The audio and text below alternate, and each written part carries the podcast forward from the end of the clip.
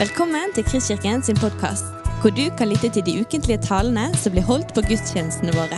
Vi håper denne podkasten vil inspirere og utfordre deg til å kjenne Gud, elske mennesker og tjene vår verden.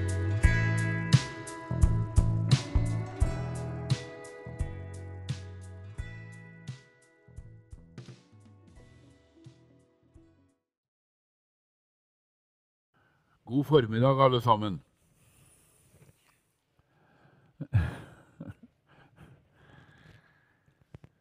Kjekt å se dere.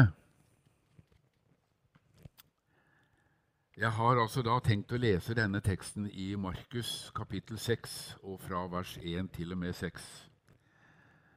Og det gjør vi i Jesu navn.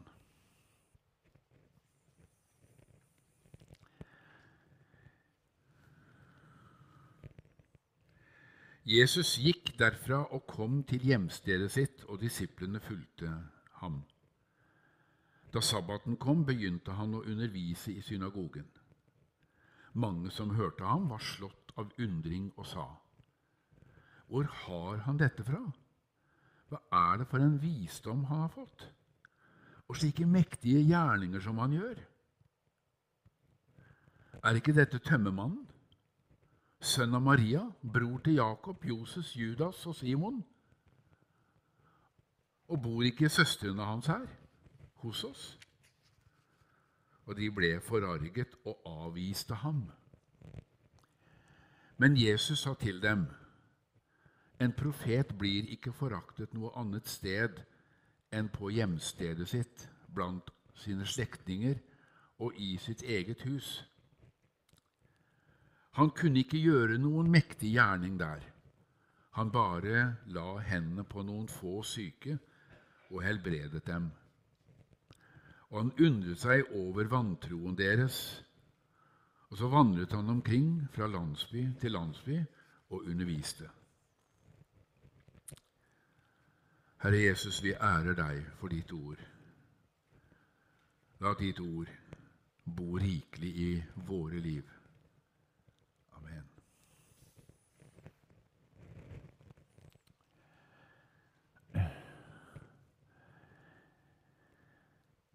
Litt vanskelig å se det, for det er så sterkt lys her, men det er jo så. ja, hva skjedde i Nasaret? Hva var det som foregikk i Nasaret denne lørdagen? Det er så hyggelig. Alltid noen kjekke mennesker.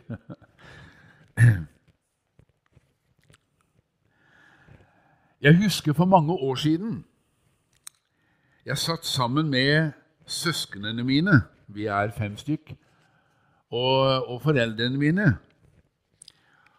Og, og når vi liksom var samla, så kom vi alltid inn på et eller annet som var vanskelig, eller noen i familien som hadde rota ting til, eller noe sånt.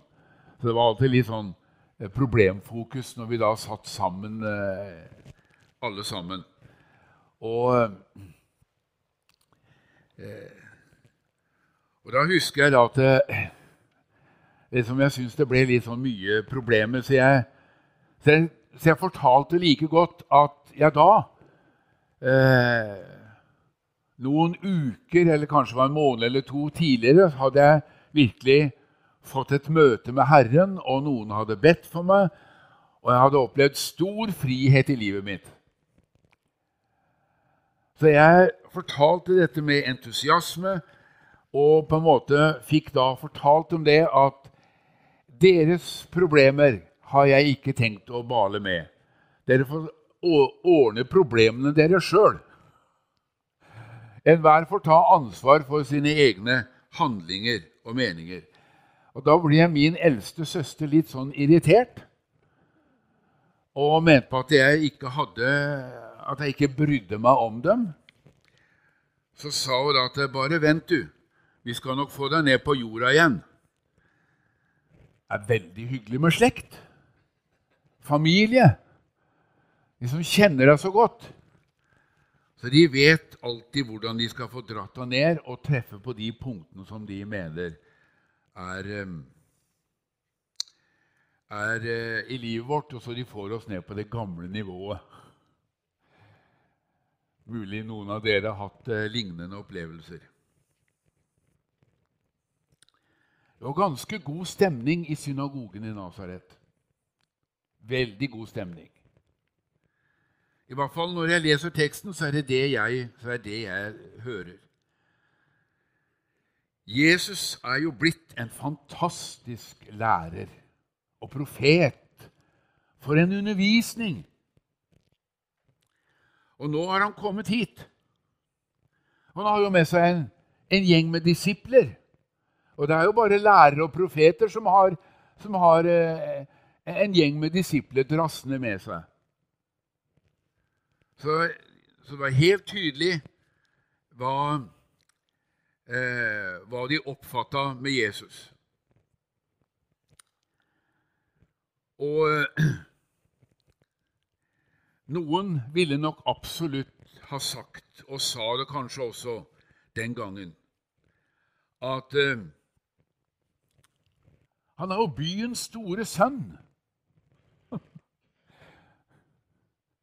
Han er jo Nasarets store sønn. Ja, jeg, jeg tror noen tenkte sånn.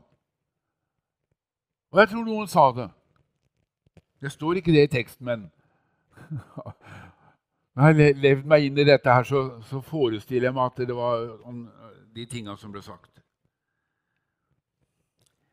Men da var det jo noen som en gang begynte å stille spørsmål ved skolegangen til Jesus. Her i byen har han jo ikke vært noe annet enn en læregutt hos sin egen far. Han var jo bygningsmann. Det er jo ikke stort å skryte av.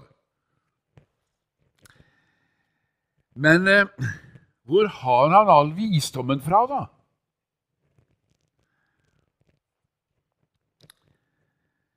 Hvor har han lært det hen? Når begynte han å studere loven og profetene?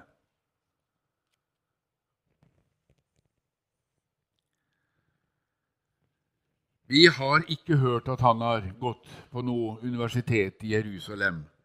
Dessuten så har vi også fått med oss det at eh, han er visst egentlig ganske mye i opposisjon mot de skriftlærde.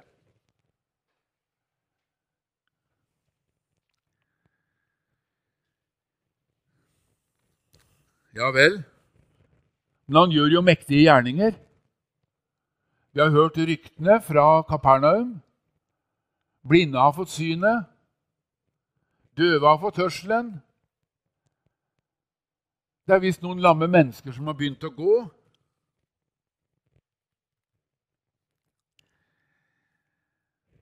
Og da er jo noen som da må ta bladet fra munnen og så sette ting på rett plass.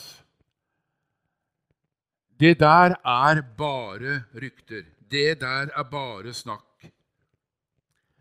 Det er manipulasjon, suggesjon. Det er bare rykter. Og her i byen hører vi ikke på rykter. Helt klart, det gjør vi ikke. Og så fikk de altså dratt Jesus ned på sitt eget nivå. Og, og stemningen snudde rett og slett fullstendig når når Jesus var der i synagogen.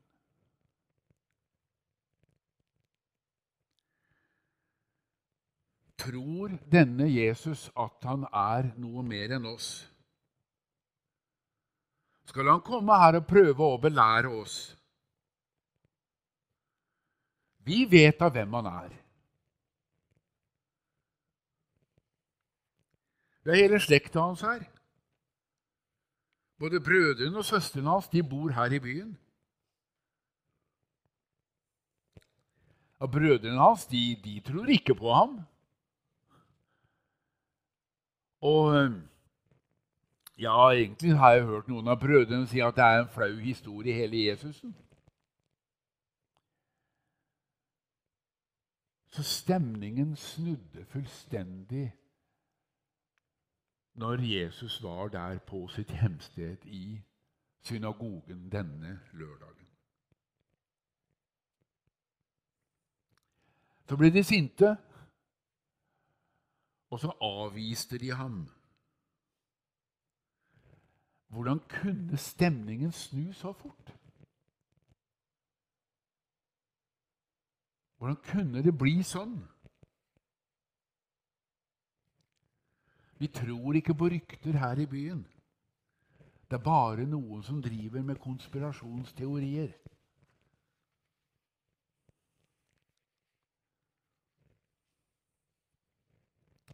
Så sier Jesus til dem, en profet blir ikke foraktet noe annet sted enn på hjemstedet sitt, blant sine slektninger og i sitt eget hus. Det er vanskelig å vinne anseelse eller posisjon på hjemstedet sitt, i sin egen familie og sin egen krets. Jesus måtte konstatere at slik, slik er det faktisk.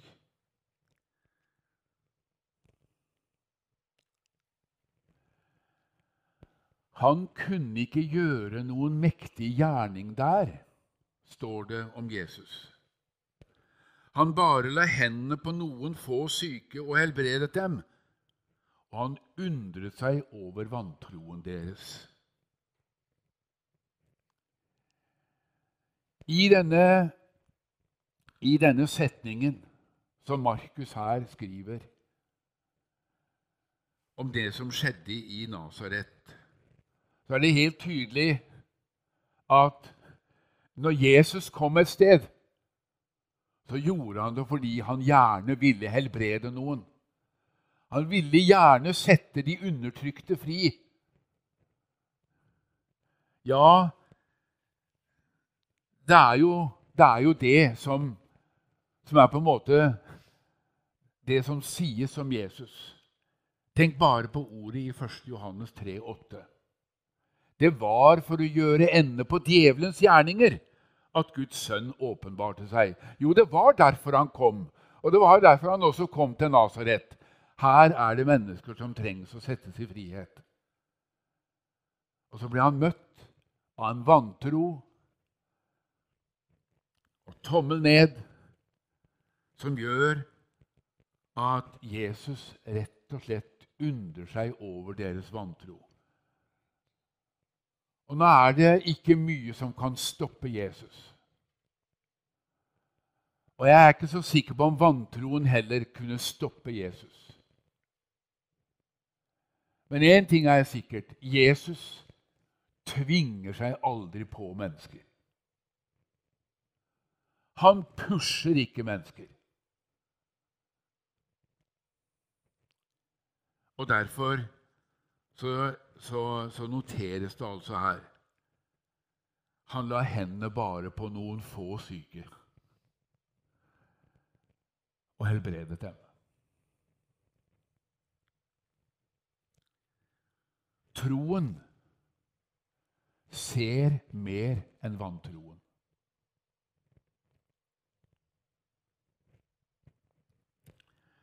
Slekta og vennene til Jesus i Nasaret de så bare det, de så bare den Jesus som de kunne se med sine øyne. De ser tømmermannen. De ser Marias sønn. Vantroen gjør dem blinde. De ser bare det som er i det ytre. Men den som bare ser i det ytre, ser egentlig veldig lite.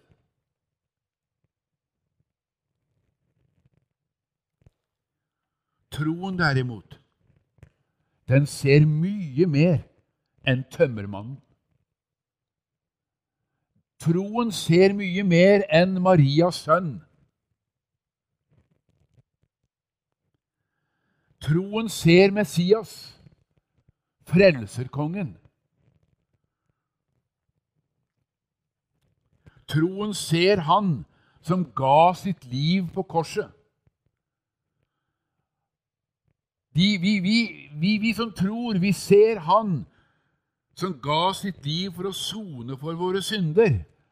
Han som betalte vår skyld og vår gjeld og vår skam.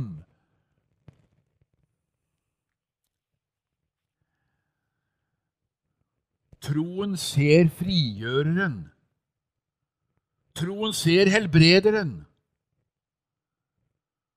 Troen ser den Jesus som kom med Guds rike. Troen ser den oppstandende seierherren.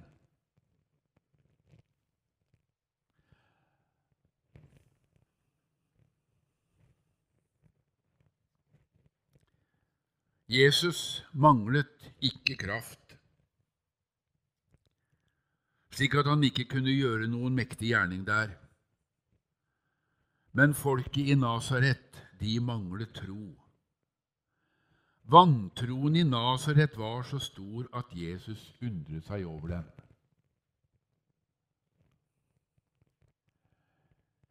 Kjære brødre og søstre Nå blir jeg litt sånn nærgående. Men hva ser vi? Hva forventer vi at Jesus skal gjøre når vi møtes, når vi kommer sammen? når vi er her for å tilbe Han og ære Han og lovsynge Han, når vi er her for å gi Han våre bønner, hva ser vi? Hvor er vi selv i dette bildet? Hvor er vi i dette vårt Nasaret, om vi kan kalle det det? Hvor er vi, vi, vi som er her i Bergen? For det må jo være det viktigste for oss. Historia i Nasaret står skrevet ned. Den kan dere lese om igjen. Men hvor er du og jeg i, i, dette, i dette som skjer?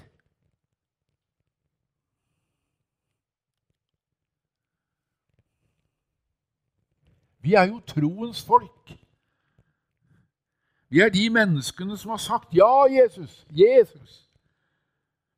Vi følger deg hvor du enn går. Overalt. Vi følger deg, Jesus, ikke bare på søndagen på gudstjeneste, men vi følger deg mandag til lørdag. Så er vi med deg, og du er med oss. Om vi er på jobben eller på skolen eller studerer eller hvor vi nå ender holder på, så er vi med deg.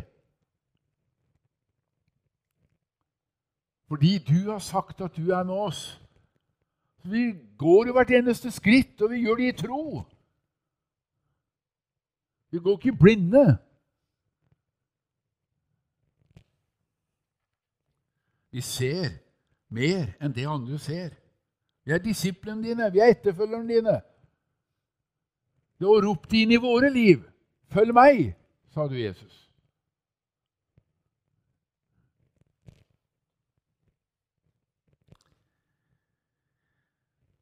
Vi har, vi har sagt det til hverandre mange ganger. Vi satser alt på deg, Jesus. Du har lært oss livets vei.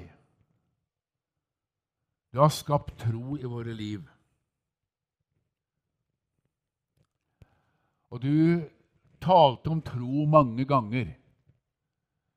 Du talte til og med om tro som et sennepsfrø. Og Så tenkte vi at ja, sennepsfrø, det er jo så bitte, bitte lite. Og Jesus sa at ja, når det, når det puttes i jorda, og det vokser opp, ja, så blir det det største treet i hagen. Det er ikke størrelsen på frøet Jesus er opptatt av. Det er jo det potensialet som er i frøet. Jeg tror ikke Jesus går rundt og måler én meter eller to Nei. Jeg tror ikke Jesus går rundt og måler hvor stor troen din er. Verken i meter eller i, i uh, desibel eller hva vi nå måtte måle med. Han ser potensialet. Det potensialet som er i den troen han har lagt inn i oss. Og Jesus han talte jo alltid om frø. Alt i Guds rike begynner jo som frø. Jesus, når han kom til denne verden, ja, så begynte han som et frø i Marias mage. Han var et frø.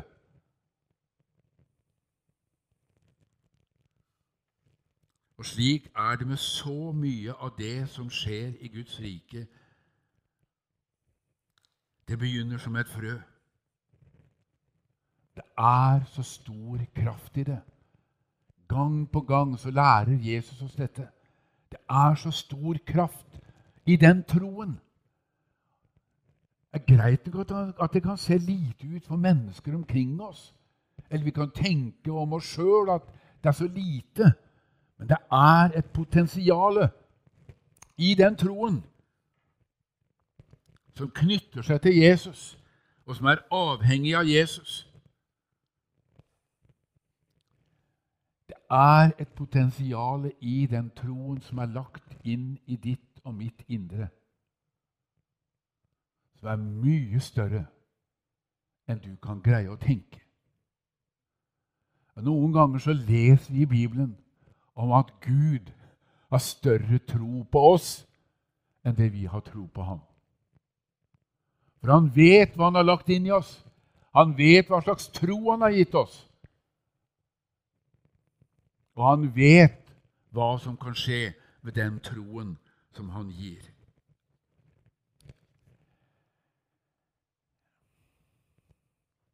Jeg har reist såpass mange ganger til Burundi i Afrika. Fordi vi har en tjeneste der nede. Atle Lyndestad kjenner jo dere godt. Og jeg. Og det er også andre som har vært med oss.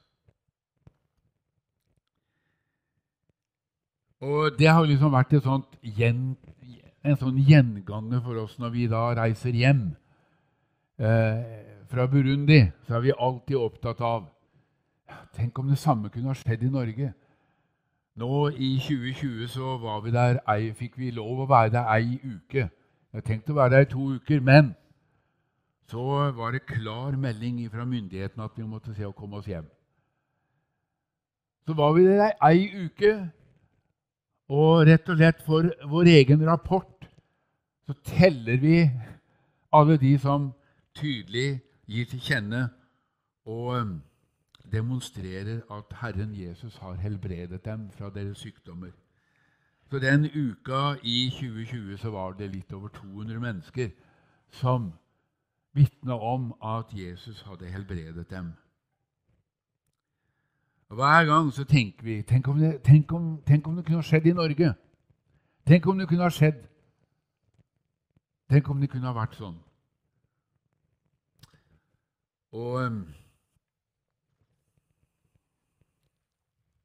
Ja Jesus er jo den samme her som han var i Burundi. Eller som han er i Burundi, for den saks skyld.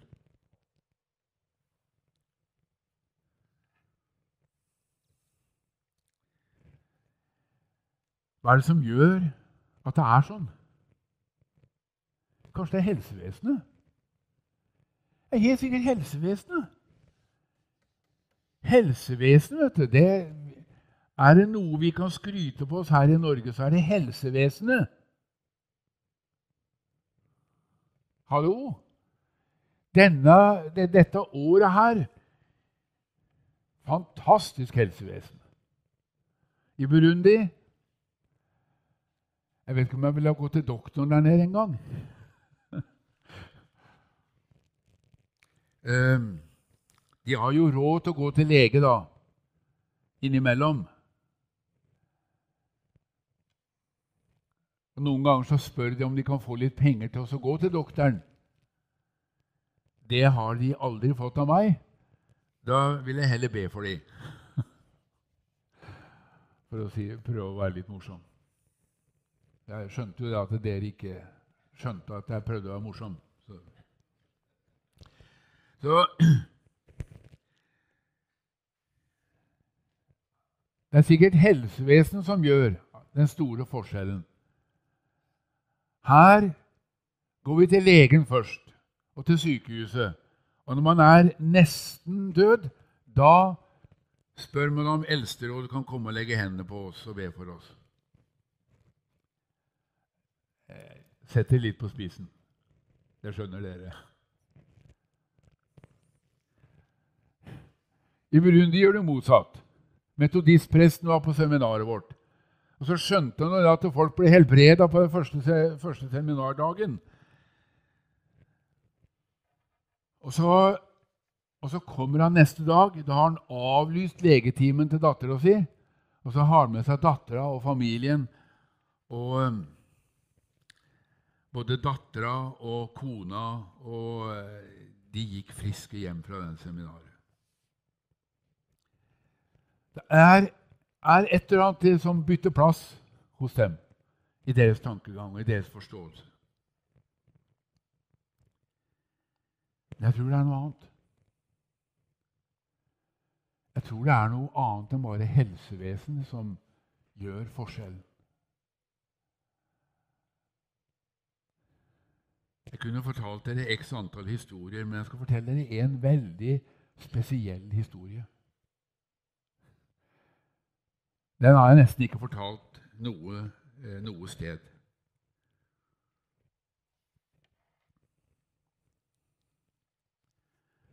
Jeg tror det rett og slett mange ganger handler om desperasjon.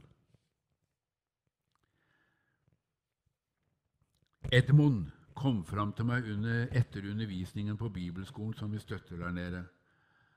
Han ville gjerne ha det samme som vi hadde når vi ba for de syke. Han måtte bare ha det, og så la vi hendene på han, og så ba vi for han. Og så, og så begynte han å praktisere da, og be for syke ganske raskt. Edmund, når han var ferdig med bibelskolen, så, så ble han plassert opp i, eh, opp i eh, fjellene der ble han eh, Der skulle han være pastor i en nyplanta menighet, og menigheten vokste dårlig. Og i fjellene er det ikke bra å være i Burundi, for det er så mye hekseri og trolldom. Og heksene de hadde moro med han, og de mobbet han fordi at det er ikke noe kraft i det du kommer med. Det er ikke noe kraft i det du kommer med. Og En dag så kom Edmund opp, og så var det en del mennesker samla på veien og der lå det en død mann. Og den døde mannen var en student som hadde studert nede i byen, og som da skulle opp og si adjø, eller si eh, hils på foreldrene sine, familien sin, og så For han ville ikke bo der oppe noe mer. Og så hadde altså disse heksene da tatt livet av denne unge studenten. Så han lå der død, og, Edmund ble meget fortvilt. Han ble rett og slett desperat. Så spurte han familien om han kunne få lov til å ta med seg liket bort til kirken. Så han kunne be for, kunne be for den døde mannen der. Og enda mer moro hadde de av han fordi at han ville be for en død mann. Men Edmund, han ba. Han lå altså på kne ved dette liket i fire timer og ba. Da er du rimelig desperat.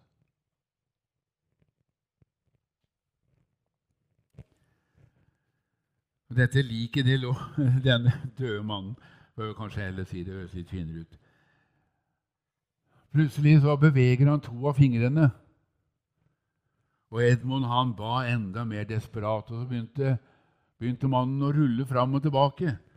Og så satte han seg opp. Og så sier denne unge studenten, som da kom tilbake til livet, Hva er det du driver med? Jeg var jo på vei til et bedre sted, jeg. Desperasjon. Det er ikke så ofte jeg er desperat. Det er noen ganger jeg er desperat. Desperasjon hjelper godt på.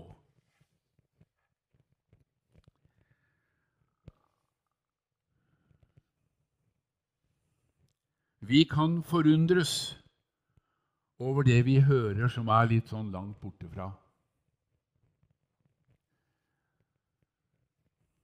Nå er vi lei av å høre om alle disse fantastiske historiene fra Burundi, Øyvind, så nå, du, nå er vi i Norge, så nå må du finne på noe annet. Ja, det er mange som har sagt det til meg.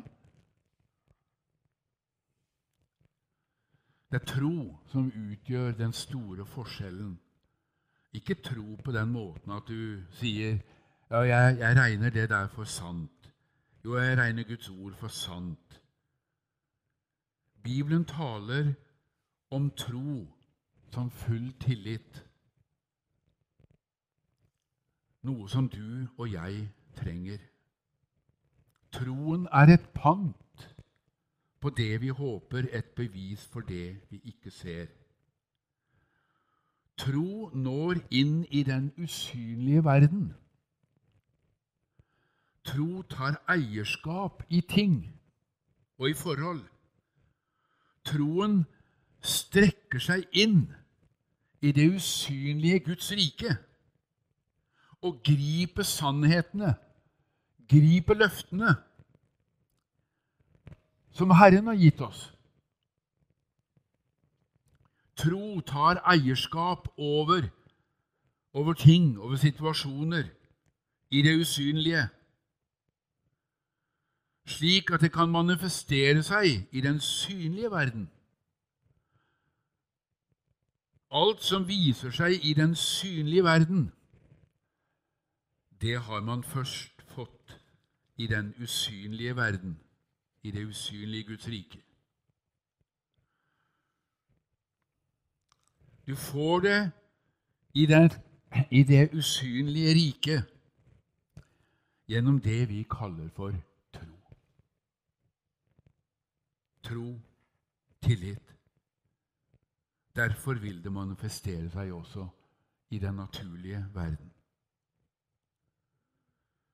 Hvorfor skjer ikke det samme i Norge som i Afrika? Jesus er i går og i dag den samme, ja, til evig tid, er vel egentlig Nesten, i hvert fall. Så var det overskriften på Markus for en god del år siden, når det ble forkynt om det. Jeg avslutter med følgende utfordring til dere. Den menigheten som lever i tro på Jesus, vil også praktisere det Jesus lærte oss. Jesus har bedt oss å forkynne at Guds rike er kommet nær. Helbred syke, vekk opp døde, gjør spedalske rene, og driv ut onde ånder. Gi som gave det dere fikk som gave. Amen. Du har lyttet til en podkast fra Kristkirken i Bergen. Vi håper du har blitt inspirert og utfordret i din vandring med Gud. Vil du vite mer om oss, så klikk deg inn på kristkirken.no.